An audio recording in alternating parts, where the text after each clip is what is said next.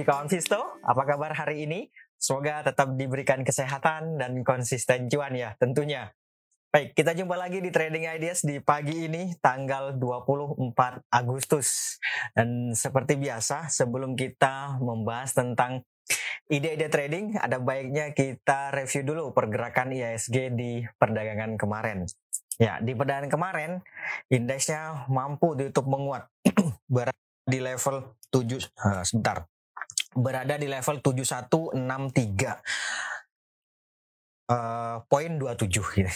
7163 kalau secara poin indeksnya menguat sebanyak 55 poin atau kalau secara persentase penguatannya adalah sebanyak 0,78 persen. Ini cukup banyak lah dan ini praktis uh, apa namanya menghapus pelemahan yang terjadi sehari sebelumnya. Sebelumnya kan pelemahannya sebanyak 0,8 persen, kali ini 0,7 persen ya beda tipis lah gitu ya. Nah melihat dari pergerakan indeks dari awal perdagangan memang sudah muncul dorongan beli yang membawa indeks praktis tidak menyentuh sama sekali teritori negatif. Ya, walaupun sebenarnya di sesi pertama uh, pertengahan sesi pertama setidaknya indeks itu sebenarnya sudah tidak bergerak ke mana-mana. Artinya dia mengalami konsolidasi. Ya, jadi meskipun dia uh, bergerak menguat di awal perdagangan muncul dorongan beli yang membawa indeks menguat sampai ya di kisaran sini 0,7 persen ini dan itu sudah nggak bergerak ke mana-mana lagi. Artinya sejak pertengahan sesi pertama bahkan sampai dengan akhir sesi kedua kalau kita lihat di gambar itu dia kan sebenarnya mengalami konsolidasi ya. Tetapi secara keseluruhan, baik di sesi pertama maupun di sesi kedua, indeksnya cenderung menguat, ya. Bagaimana hari ini nanti kita lihat bareng-bareng. Nah, dari penguatan indeks, dari penguatan yang terjadi pada indeks itu saham-saham apa saja sih di perdagangan kemarin yang ya membawa indeks menguat? Yang pertama ada Goto. Goto, kemudian berikutnya ada Adaro, lalu ada Bank Mandiri, ada BRI, kemudian yang terakhir ada Pegas. Itu dia lima besar saham yang membawa uh, indeks menguat. Sebaliknya, lima besar saham yang menghambat laju penguatan indeks. Yang pertama ada Bank BCA, kemarin melemah sebanyak 1,25 persen. Kemudian ada Bian, ada Cepin, lalu ada Arto, dan terakhir ada BBYB. Itu dia lima besar saham yang menghambat laju uh, uh, penguatan indeks. Nah, bagaimana transaksi asing? Ya, di perdagangan asing sendiri kembali mencatatkan net buy yaitu sebanyak 491 bio. Itu total di uh, keseluruhan pasar. Tapi kalau kita rinci di perdagangan reguler sendiri, di pasar reguler sendiri itu aslinya catatkan net buy sebanyak 462 bio. Sementara di pasar non reguler atau di pasar nego, asingnya mencatatkan net buy juga sebanyak 28,8 bio. Ini uh, praktis masih melanjutkan net buy yang terjadi selama beberapa hari terakhir. Itu ya. Kemudian dari net buy asing itu yang terjadi di pasar uh, reguler 400 sebanyak 462 bio itu saham-saham apa saja sih yang banyak dibeli oleh asing di perdagangan kemarin? Ya, lima besar saham yang banyak dibeli oleh asing yang pertama adalah Adaro, Adaro Energi kemarin uh, banyak dibeli oleh asing. Kemudian Telkom, ada PTBA, ada ITMG, dan terakhir ada Bank Mandiri itu dia lima besar saham yang banyak dibeli oleh asing. Termasuk juga ada Unilever, kemudian eh, BNI, Bukalapak juga termasuk salah satu yang banyak dibeli oleh asing di perdagangan kemarin. Tapi dia masuknya ke eh, 10 besar ya.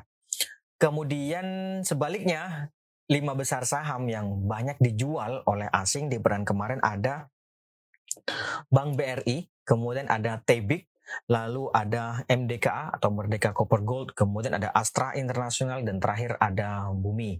Itu dia lima besar saham yang banyak dijual oleh asing. Jadi kalau di perdagangan kemarin asing banyak beli Mandiri sama BNI, ternyata BRI juga banyak dijual gitu ya. Jadi imbang lah gitu ya. Oke. Itu untuk transaksi asing. Termasuk juga Antam kemarin banyak dijual oleh asing sekedar info saja. Kita lanjut. Kemudian sekarang kita outlook outlook hari ini bagaimana? Ya, kalau melihat pergerakan indeks di perdaan kemarin, sebagaimana tadi saya sampaikan bahwa muncul dorongan beli yang terjadi sejak awal perdagangan sampai dan akhir sesi.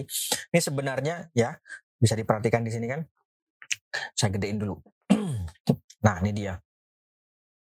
Jadi penguatan yang terjadi di perdaan kemarin itu uh, praktis mengisi common gap yang terbentuk sehari sebelumnya. Ini kan ada common gap nih di sini nih, ya kan?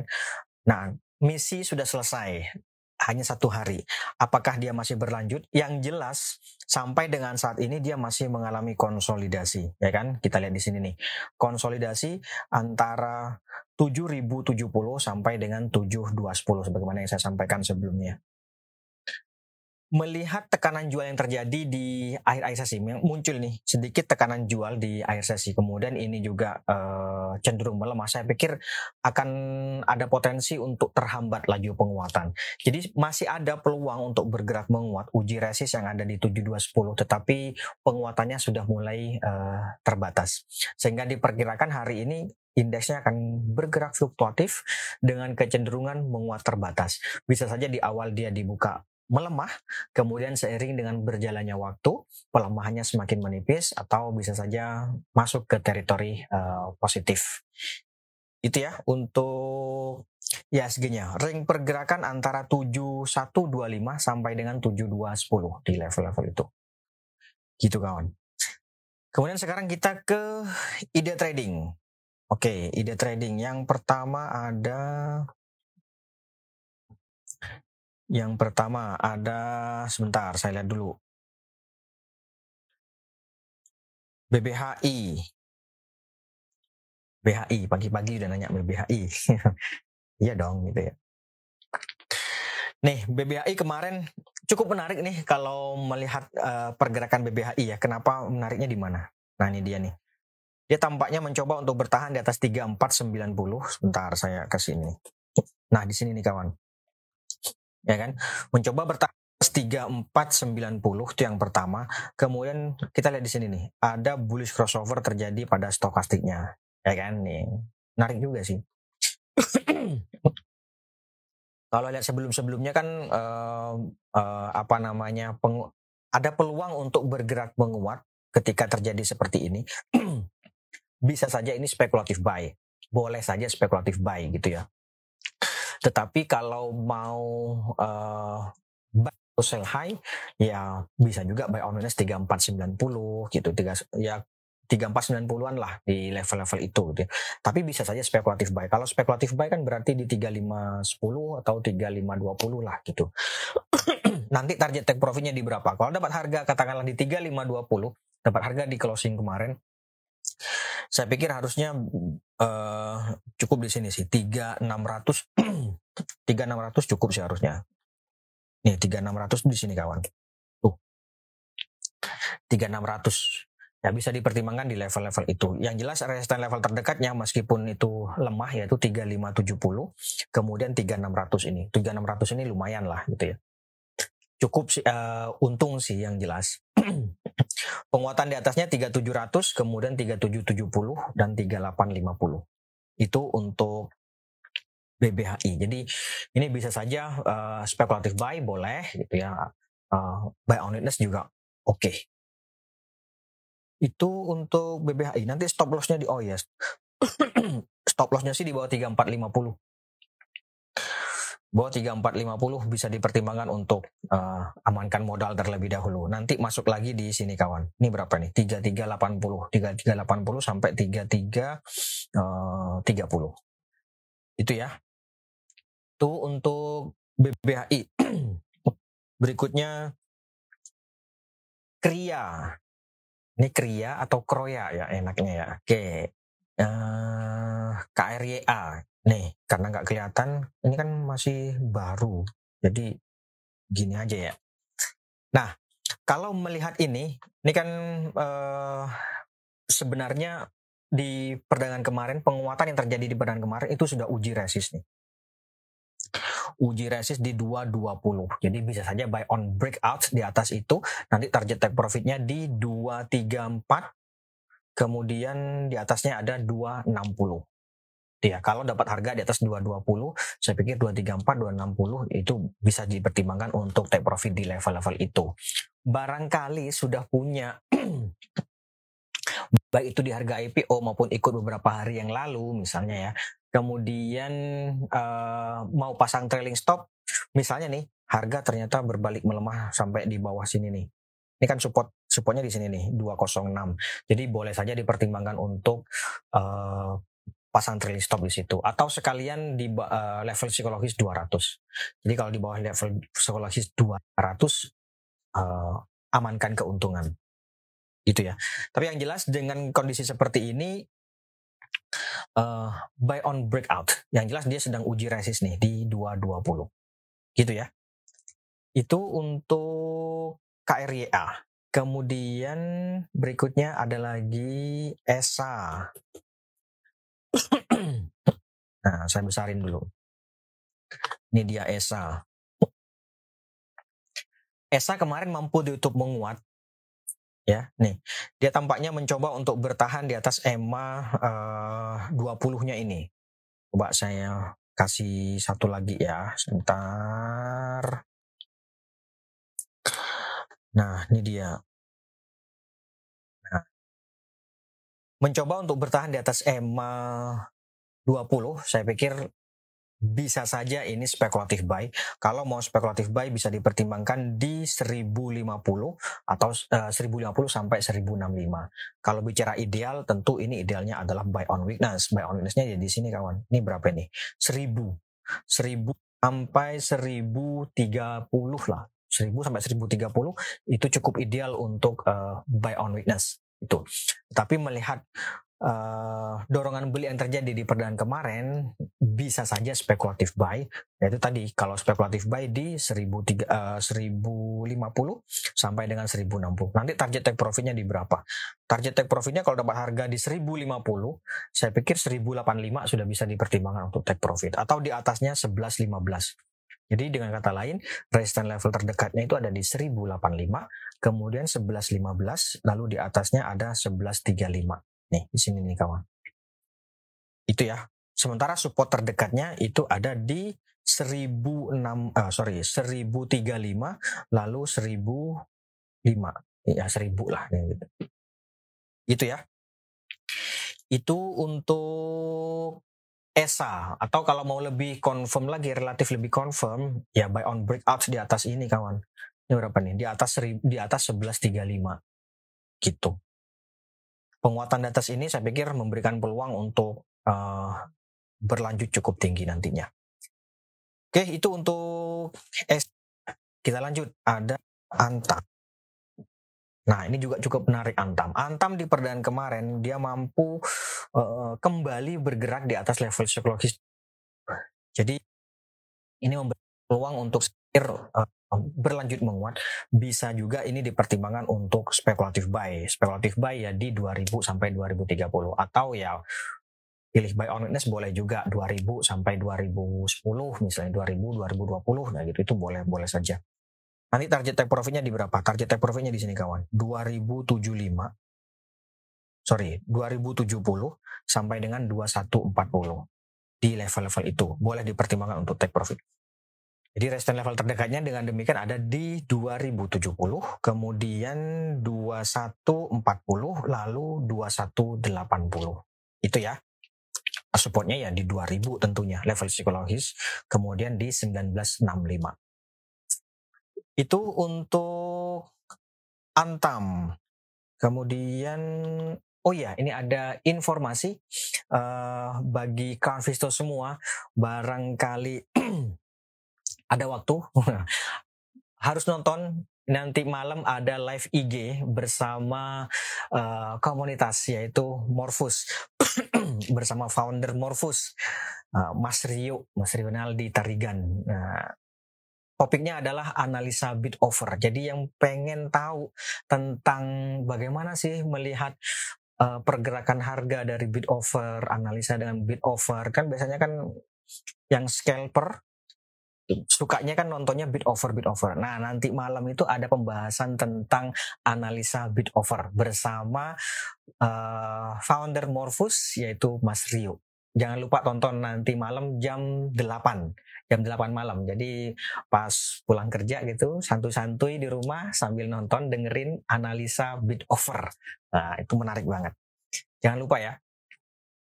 Yang belum ikutan, yang belum follow investasiku, IG investasiku silakan di follow biar nanti kalau ada uh, live IG nanti bisa dapat notifikasi.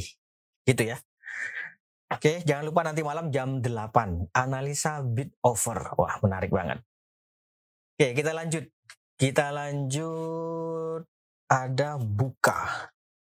Oke, ini dia buka. Ya, buka di perdaan kemarin bisa dibilang ini melemah tipis karena hanya dua poin, 4 rupiah. sebagaimana saya sampaikan sebelumnya bahwa ya buy on witness nunggu dorongan beli yang muncul. Sebenarnya kemarin muncul sih dorongan beli.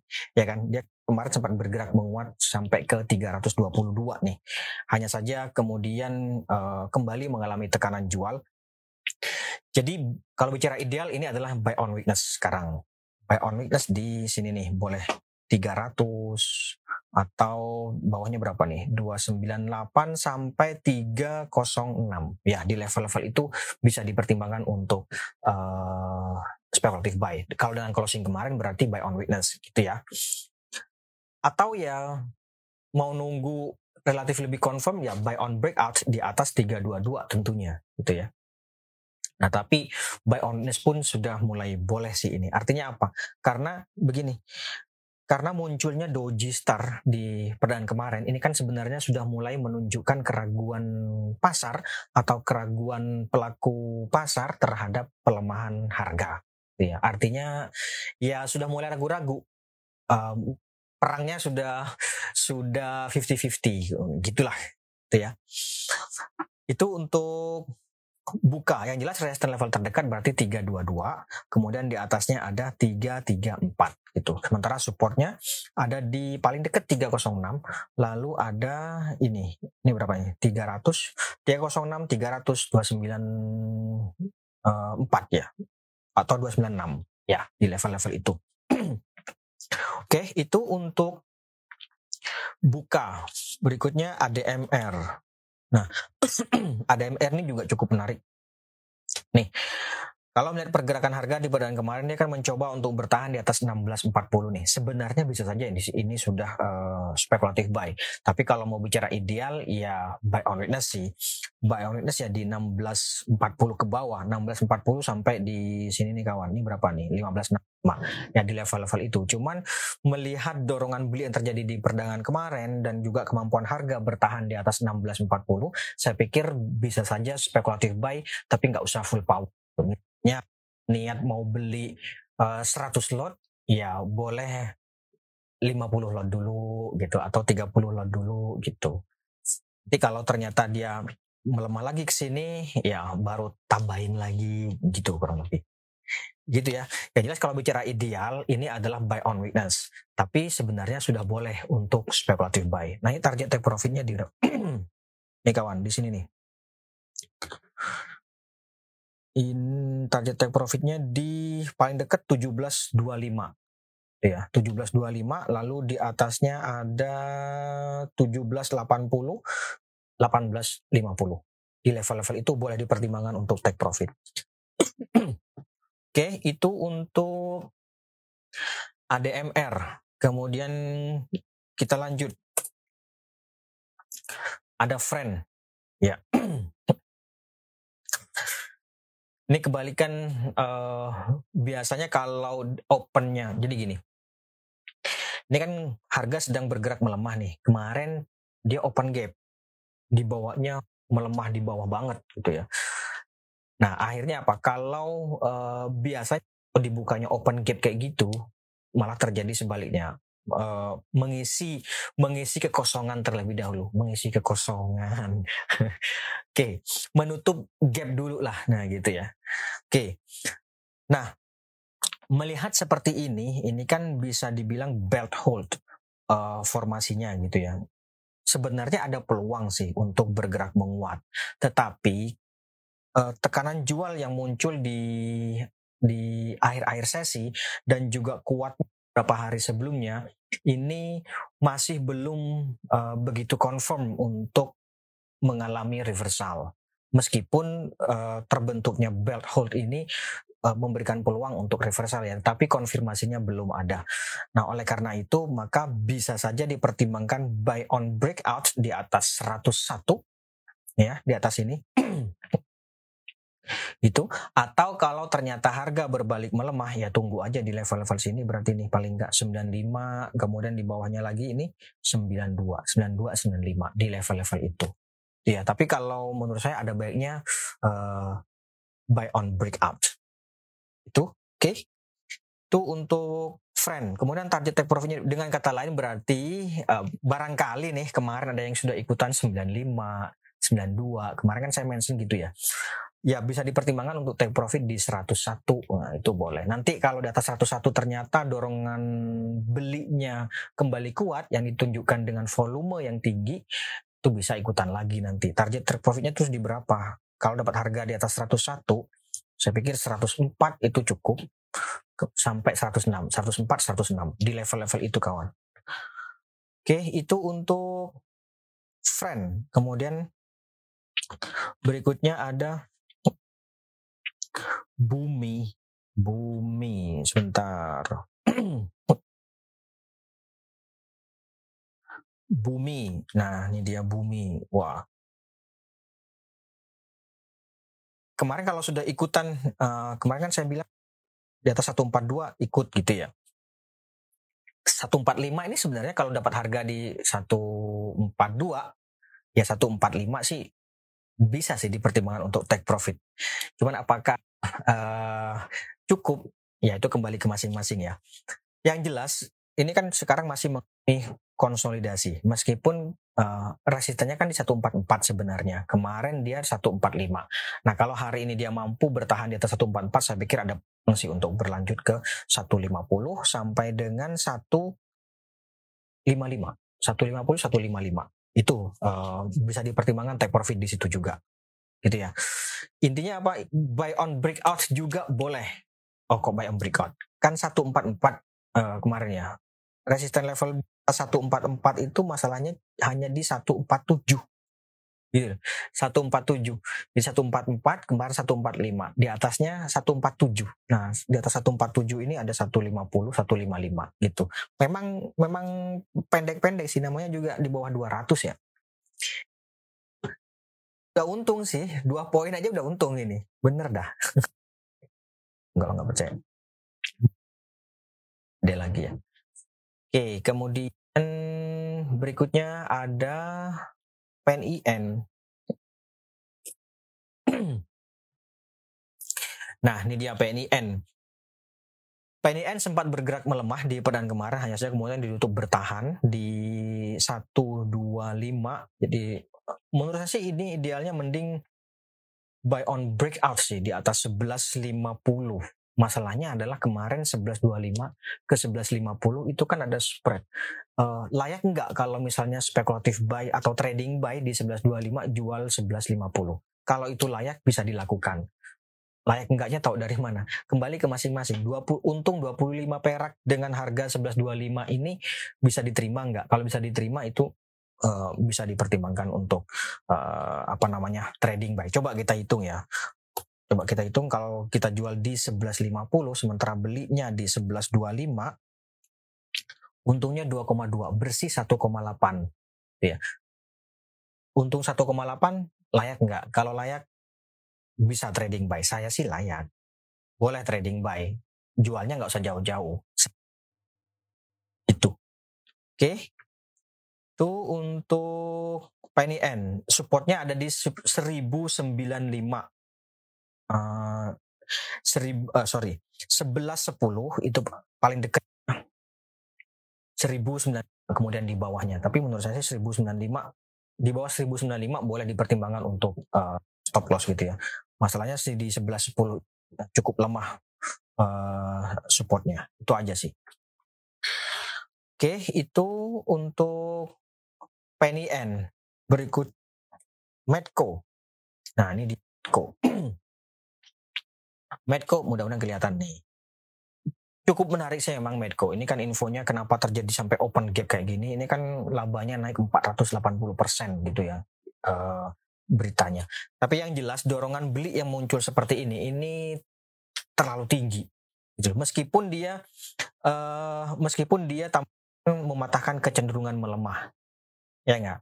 Ya memang sih untuk uh, mematahkan kecenderungan melemah. Artinya begini.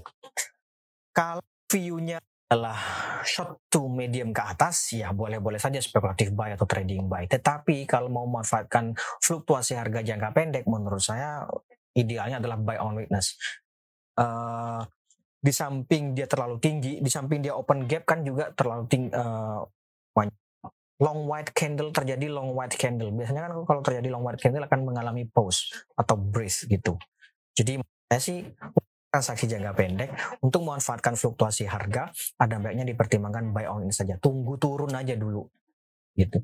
Tunggu turun aja dulu gitu. Atau paling enggak kalau memang ini 700 deh gitu. Kalau memang uh, ngebet gitu. Tapi itu enggak ideal sih. Belum ideal bukan enggak ideal. Belum ideal lah setidaknya di harga 700 kalau view-nya satu medium ke atas ya boleh saja spekulatif buy gitu ya. Oke itu untuk Medco. Kita kebut Raja. Nah, ini dia Raja. Di perdan kemarin muncul dorongan beli yang pernah saya singgung. Muncul dorongan beli di atas 940. Bisa saja ini spekulatif buy, tapi nggak usah jauh-jauh. Targetnya di 1000. 1000 ya. Uh, uh, stop lossnya di bawah 940. Support terdekat tuh di 940 karena gitu ya.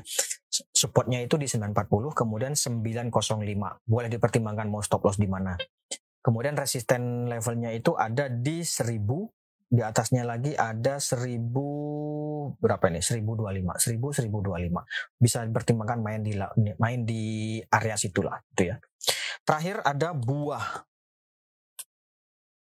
Buah. Nah, ini dia.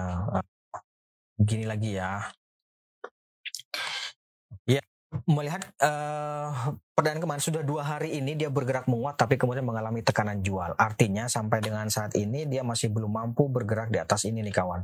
Ini berapa? 580. Ya, kalau mau take profit uh, kalau mau take profit bisa dipertimbangkan di level itu atau mau masuk ya trading buy 555 jualnya 580. Cukup sih harusnya gitu ya. Kalau mau pasang trailing stop bisa saja dipertimbangkan di uh, eh, 535 ke bawah atau 530 ke bawah deh. Itu. Baik, saya pikir itu dulu kawan Visto untuk hari ini. Terima kasih atas kehadiran dan partisipasinya. Kita jumpa lagi besok. Tetap jaga kesehatan. Mohon maaf jika ada salah kata. Sekali lagi terima kasih. Selamat pagi. Salam investasiku for better tomorrow. tomorrow.